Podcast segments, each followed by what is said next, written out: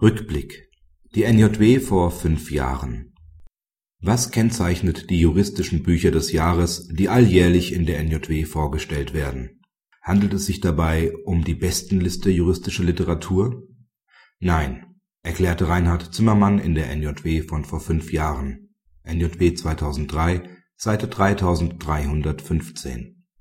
Und auch im aktuellen Heft führt er aus, dass die Ansprüche bescheidener seien in die Auswahlliste seien Bücher aufgenommen, die durch Klarheit der Sprache überzeugen und zugleich Themen anbieten, die den Horizont des allgemein interessierten Juristen erweitern und die allgemeine Diskussion bereichern.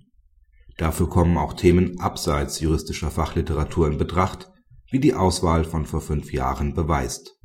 So schaffte es die Biografie über den Wissenschaftler Theodor Mommsen von Stefan Rebenich in den erlauchten Kreis der juristischen Bücher des Jahres. Welche Bücher in diesem Jahr auf der Liste stehen, erfahren Sie im Forum ab Seite 3331